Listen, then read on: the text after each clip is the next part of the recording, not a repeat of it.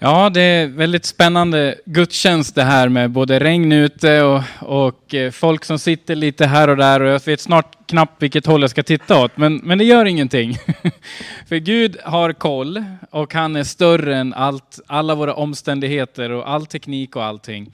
Och det är jätteroligt att se er som är med via Youtube. Vi har ju våra sändningar via Youtube nu under sommaren.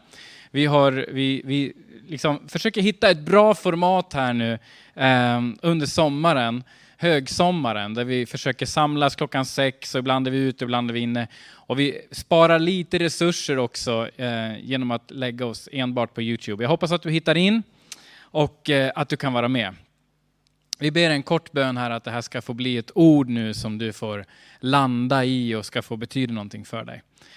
Tack gode Gud att du är så stor och mäktig. Herre, jag ber far att vi ska få tro för att du är större än allt som finns runt omkring. Och att du också är mäktig att kunna göra någonting i just den tid vi står i. Och i den tid vi är som enskilda. Och jag tackar dig Fader för en ny tid som kommer. Amen. I Predikaren 3 och vers 11 så står det att allt har han gjort skönt i sin tid. Eh, det är liksom ett ord som säger oss att Gud har koll på att allt inte är lika hela tiden. Även om han är densamma igår och idag och i all evighet så vet han mycket väl om att vi, för oss, för jordens folk, för dig och mig så kan det se olika ut i olika tider. Och det här året så försöker vi berätta så gott vi kan om att det finns en möjlighet att komma in i Guds närhet. Att finnas i Guds närhet är någonting fantastiskt. Och det är det övergripande temat som vi har under det här året. Och en person som fick vara med om olika tider och på olika sätt få betyda någonting stort, det är eh, Daniel. Och jag har läst lite grann om Daniel igen. Och du som, som eh, inte är kyrkvan kanske inte har en aning om vem denna Daniel är. Men du som har gått på lite söndagsskola, du kanske tänker, ah, det var något lejon i någon stor grop. Just det, den Daniel är jag tänkte jag skulle nämna lite grann, läsa några bibelställen från. Ehm, och det var så här att eh, år 605 före Kristus, då rasslade babylonierna, kaldéerna från babylonierna, de, de kom in i Jerusalem och tog över. Och eh, de, de, tog över och de förde bort folket. Och de gjorde så här som en del mäktiga folk har gjort under olika tider. De, de kom in och så kidnappade de. De, de liksom ockuperade inte bara området utan de kidnappade eh, de styrandes barn. Och så tog de med de här barnen över till sitt hemland för att de skulle lära sig hur det var att vara kaldé. De ville liksom ta in det här landet, de ville erövra landet och de ville göra det till ett kaldeiskt rike. Att det skulle bli liksom en utökning av Babylonien. Och det här har andra gjort i olika tider, det är inget nytt då. Eh, men det var liksom ett sätt att försöka bryta ner de, de, eh, de här andra folkens traditioner, språk och tro. Men det är så spännande att se att för Daniel så, så fanns det någonting om att bestämma sig. Och, och, Det där är någonting jag skulle vilja verkligen säga till dig och mig, att vi kan faktiskt bestämma oss. Du och jag som, som kanske tror på, på Gud, det här är inte vårt hemland, Sverige. Det här är inte liksom det som är, eh, du och jag är inte i första hand medborgare i Sverige. Utan du och jag som tror på Jesus Kristus, vi är i första hand medborgare i det himmelska riket. Och det här vi har här nu, det är lite av ett gästspel. Det är lite av ett besök. Ganska långt besök kan det vara. Ganska mycket vardag kan det vara i det här besöket. Inte bara turistattraktioner. Men, men vårt riktiga hemland, min vän, det är faktiskt himlen. Och Det står så här i första kapitlet redan. För då hade de börjat på att trycka på lite nya regler på de här. Det var framförallt eh, unga män som de tog. Eh, då står det så här, men Daniel bestämde sig i sitt hjärta för att inte orena sig med kungens mat eller med vinet som han drack. Och han bad förste hovmarskalken att han inte skulle behöva orena sig. För att det var så här att kungen tänkte de här ska vi ta hand om på allra bästa sätt. De ska få fett bra mat och, och, och de ska liksom få bra vin och de ska få alla förutsättningar för att de ska kunna liksom göra tjänst i hovet och göra det bra. Och så har jag liksom assimilerat det här folket in i mitt eget folk. Men för Daniel så var det viktigt här att liksom bestämma sig.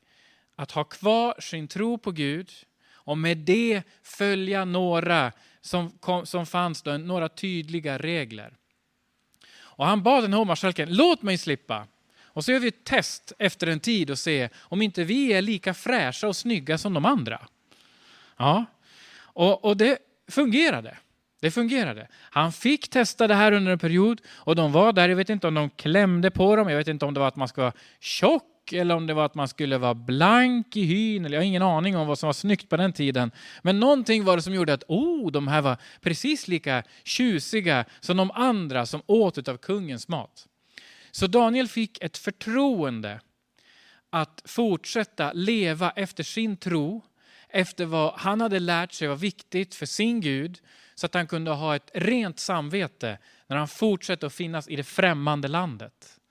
Och Det där kan bli så för oss när vi hamnar på främmande platser, på, på nya platser och ställen. Då kan det bli lätt att vi också tar till oss alla andras eh, traditioner och levnadsregler.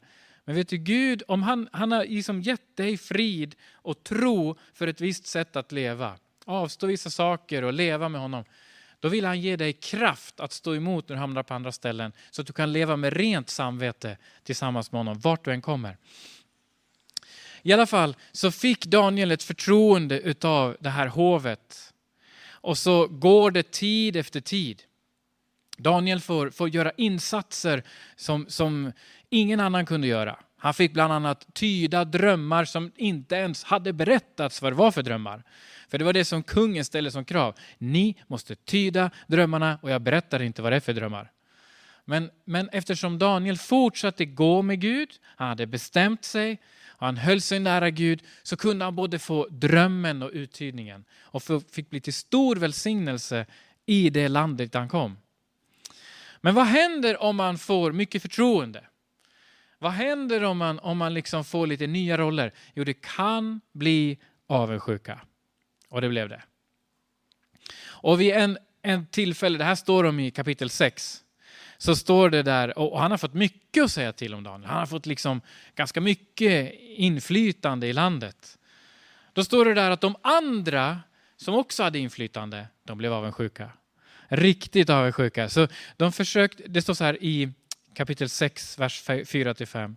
Då försökte de andra furstarna och satraperna finna någonting att anklaga Daniel för i det som gällde riket. Men de kunde inte finna något att anklaga honom för eller något brottsligt hos honom eftersom han var trogen i sin tjänst. Det fanns varken försumlighet eller ohederlighet hos honom. Då sa männen, vi lär inte hitta något att anklaga den där Daniel för ifall det inte gäller hans gudstyrkan. Hela vägen genom de här tiderna, för vi har kommit en bit fram nu i Daniels liv, så har han hållit sig nära Gud. Han har bestämt sig, det märks i hans liv att den här personen går på något sätt med Gud. Och det var en sak till, inte bara att han har bestämt sig, utan han hade ett ständigt återkommande bönemöte, ett ständigt återkommande möte med Gud själv varenda dag. Och, och det här visste de om. Finns det något att, och liksom anklaga honom för? Finns det någonting som vi kan liksom peka på i vår avundsjuka? Nej. Ingenting. Utan det skulle möjligen vara det att han är så otroligt nära Gud, sin Gud. Och då går de, då springer de till guden och bara ber honom, kan du inte ändra lite på lagarna, käre store kung? Kan du inte bara förändra en liten stund här så att vi under 30 dagar ber till dig? Ja. Och det här kan man liksom höra som ett genklang, som, som ett eko genom historien. Hur sådana här kungar och presidenter har så lätt för att liksom ta till sig, oh, de tycker jag är bra. De hyllar mig. Jag är tydligen kanske den bästa som någonsin har funnits.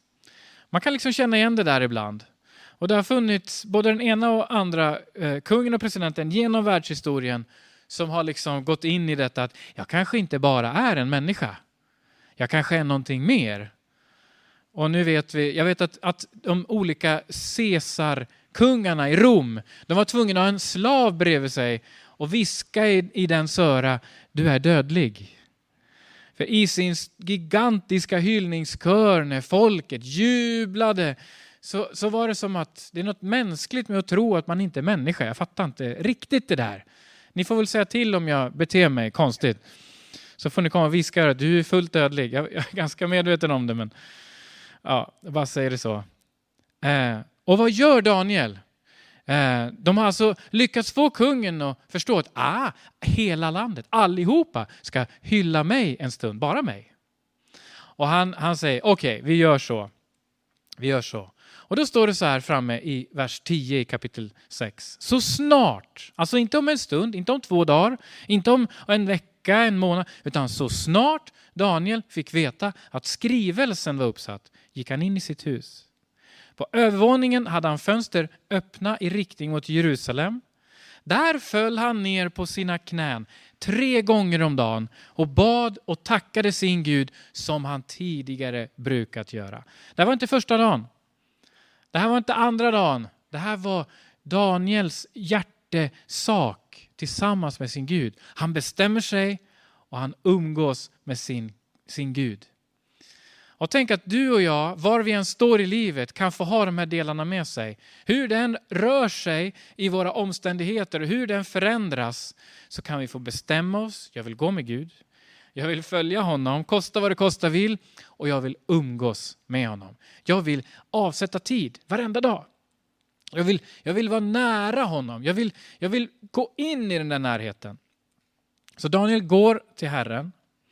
Han, han ringer inte upp kommunen. Han kollar inte upp sina rättigheter i lagtexten. Han, han kontaktar inte Länsstyrelsen och ifrågasätter det här dekretet och skrivelsen. Nej, han ringer inte ens sin advokat, utan istället så går han direkt till konungars konung och herrarnas herre. Den högste och den störste går Daniel till. Och så går det som det går och precis du som kom ihåg det här från söndagsskolan med, med lejonet. Det var här det kom. Det blev ett straff för den som inte bad till kungen och det var att hamna bland lejonen. Men Gud hjälpte Daniel ut ur detta.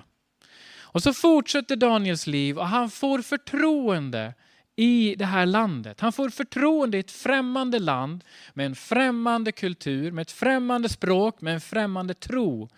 Men han står kvar tillsammans med Herren, sin Gud, och så är han där och kan agera i vad det ser ut att vara över 65 år. Det är sju olika kungar som, som kommer med sina organisationer, sina visioner, sina förändringar i, i alltihopa. Och Daniel står kvar. Han står kvar, han går med Gud och han vinner favör i landet. Och till slut så upptäcker han att snart är tiden slut för fångenskapen och börjar be till Gud även för det. Helt fantastiskt. Vad var Daniels uppdrag när han var hos kungen? då? Jo, det var faktiskt just det. Att stå i Guds närhet och lyssna till Guds tilltal. Att få förklaringar på saker som händer. Det skrevs på väggar som varningstexter för vissa kungar. Det kom drömmar till andra. Daniel själv fick visioner och fick uttyda det här. Hela tiden därför att han hade bestämt sig och höll sig nära Gud så att han kunde höra Guds röst. Vilket jobb han fick. Kungarna fick förklaringar som Herren själv hade visat Daniel. Tänk om det kan få vara så att du som är och lyssnar nu och tittar eller är här i kyrkan. Tänk att du i den tid du är nu, det känns som att vi står i en gräns nu till nästa tid för väldigt många personer. Vi har någon slags gräns i detta besvärliga med covid-19 där det börjar, börjar på minska ner och färre och färre drabbas.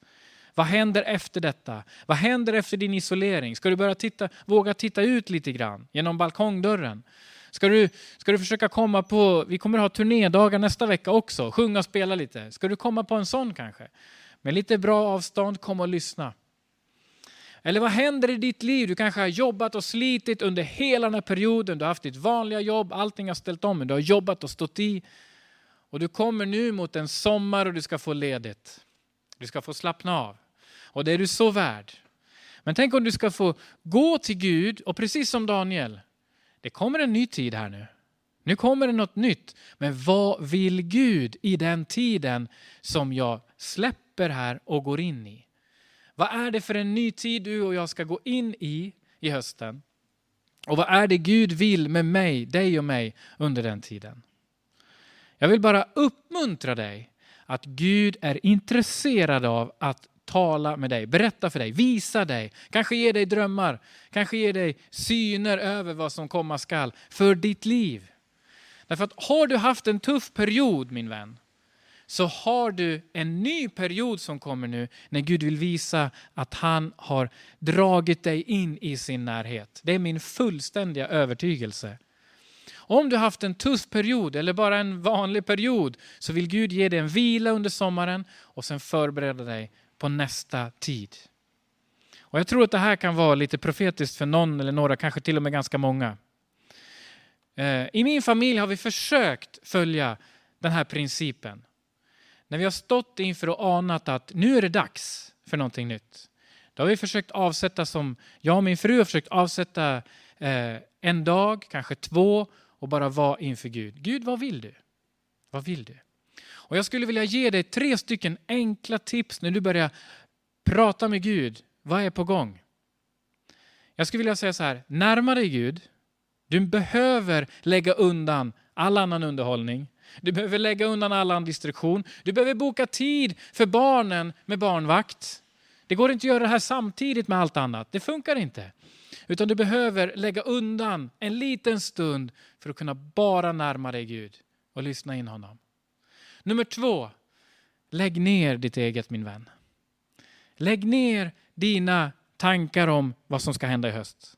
Lägg ner en liten stund alla dina åsikter om vad som borde göras i ditt liv, i din familj eller i kyrkans liv. Vad det än är, försök ge upp vad du har för mall på din höst, min vän.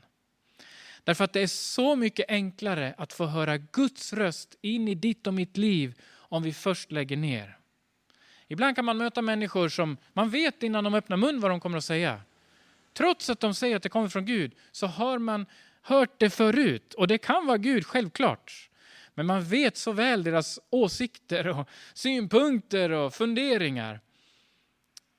Och det behöver inte vara fel, men vill du få ny direktiv, en ny karta för ditt liv, en ny direktion, då behöver du först faktiskt säga till Gud, Gud, nu ger jag upp allt det jag själv har tänkt. Och det är otroligt lärorikt. Jag vet av erfarenhet att det kan vara riktigt svårt därför att huvudet går hela tiden och man vill någonting och man vill framåt. Men att stanna upp och säga Gud, det är du som är Gud. Nu lägger jag ner mitt eget, min egen plan, min egen idé, min egen fantastiska ljusa eh, framtidsscenario. Nu lägger jag bara ner det och Gud, ta upp det som är ditt. Men så viktigt, var du än är inför i ditt liv. Och du som gått igenom tuffa tider, kanske sorg, kanske mycket smärta. Och du har en bild av att det här blir inget bättre. Det här kommer inte Gud göra någonting åt. Tänk om du en liten stund kan få lägga ner din egen tanke och bara ge upp en liten stund. Och nummer tre, lyssna in. Min övertygelse är, och det jag läser när jag läser Bibeln, det är att Gud är så intresserad av att få tala med dig, att få berätta för dig vad som är nästa steg i ditt liv. Han har inte det som någon slags option när du har blivit den mest fantastiska kristna, att du också kanske ska få uppfatta en liten viskning från Gud. Nej, det gäller för dig idag. Den helige ande är dig nära. Han vill fylla dig. Han vill rena dig. Han vill ta undan det som inte är gott i ditt liv.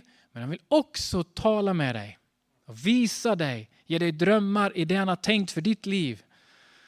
Och jag är så övertygad om att det är många nu som, som bara tittar och lyssnar, som står i ett avslut av en tid och på väg in i nästa. Och då önskar jag att du ska få bara ta till dig att närma dig Gud, lägg ner ditt eget och lyssna in. Så kan det bli Gud som leder in i nästa tid. Okej? Okay? Amen. Och så vill jag bara säga så här, min vän. Att just nu är det tid för dig. Och det är tid för dig, vem du än är. Det är tid för dig att Gud kan få beröra dig. Och nu vänder jag mig till dig som inte har kallat dig själv för kristen. Som inte har sagt att jag vill tro på Jesus eller någonting sånt. Om du har nu gått och, och fnulat på det här, klurat på det här, vänt och vridit på detta. Hur, hur kan det vara, finnas en Gud när det ser ut så, så, så? Och så har du kommit lite till ro med den frågan. Och så har du börjat med nästa fråga. Och nästa fråga. Och nästa stora fråga. Det finns många sådana här frågor som många går och klurar på. Men så har du kommit till vägs ände där du känner att jag har inga frågor kvar som riktigt stör, men jag kan inte ge upp. Det är en chans för dig här och nu att faktiskt, att faktiskt ge upp dig själv och ta emot någonting. Därför att Jesus Kristus, han har dött för dig. Predikaren fortsätter där i kapitel 3 att, att han har gjort allt skönt för sin tid men också lagt evigheten i människornas hjärtan. Vet du, Gud har lagt en evighet in en möjlighet till en ljus evighet in i ditt hjärta. Men det finns någonting som stoppar upp här och det är att du öppnar ditt hjärta för Jesus Kristus. Därför att då får evigheten bli någonting annat än någonting ovisst. Då får det gå från ovisshet till någonting otroligt tydligt och klart. Då får du gå ifrån osäkerhet till någonting som är att Gud är din trygghet. Då får du gå ifrån ständiga tvivel till att Gud ger dig ett ljus som du kan få börja följa. Och den tiden, den behöver du inte vänta till, till i höst. Du behöver inte vänta till efter semestern, utan den tiden är här och nu. Och nu kommer jag att be lovsångsteamet att ta plats bakom min rygg. Och vi kommer att gå in lite i lovsång och tillbedjan. Och det är ett alldeles utmärkt tillfälle för att faktiskt säga ja till Jesus Kristus. Och min erfarenhet är att när vi öppnar våra liv för Jesus, då händer någonting. Han är inte den som väntar. Han är inte den som håller sig långt borta. För Daniel så var jobbet ett fantastiskt jobb att lyssna in Gud och berätta. För dig så är uppdraget eller utmaningen idag, det kan vara att bara få ge upp och säga ja. Och nu vill jag be för dig. Jag vill be för dig min vän, att det här ska få bli den bästa sommaren hittills i ditt liv. Det ska få bli den sommar där du får börja på nytt. Där du får börja att leva ett nytt liv med Jesus Kristus. Men jag vill också be en bön för dig som står i ett vägskäl i ditt liv. Du har varit troende kanske ganska länge, men du har upplevt att det har varit så mycket nu. Och den här terminen som gått har varit så intensiv och du undrar vad som ska hända i höst. Jag vill be också för dig att du ska verkligen kunna få lyssna in Gud i hur han kan leda dig in i det som kommer. Tack Jesus att du nu bara kommer till den som är beredd att öppna sitt hjärta jag ber Herre att dörrhandtaget på insidan av den dörren nu ska börja öppnas. Herre, jag ber för den som nu känner att det är dags, det är tid nu. Jag tackar dig Fader i himmelen att evigheten nu får bli ljus. Jag tackar dig Kristus att det inte är bara en evighet av ovisshet utan en evighet av ljus och liv som strömmar in i det hjärta som öppnas. Tack Herre för alla som tittar, tack Herre för alla som lyssnar, tack Herre för alla som längtar. Jag ber dig Far om öppnade hjärtan. Och jag tackar för att för varje hjärta som öppnas så är du den som först av allt kliver in. Så ber jag för den som är oviss om hösten. Jag ber att du ska komma riktigt nära och att vi ska få bestämma oss att gå med dig, lyssna in dig och lägga ner vårt eget. I Jesu namn. I Jesu namn. Vad för tid du än är i, Det kommer en ny tid till dig nu. I Jesu namn. Amen.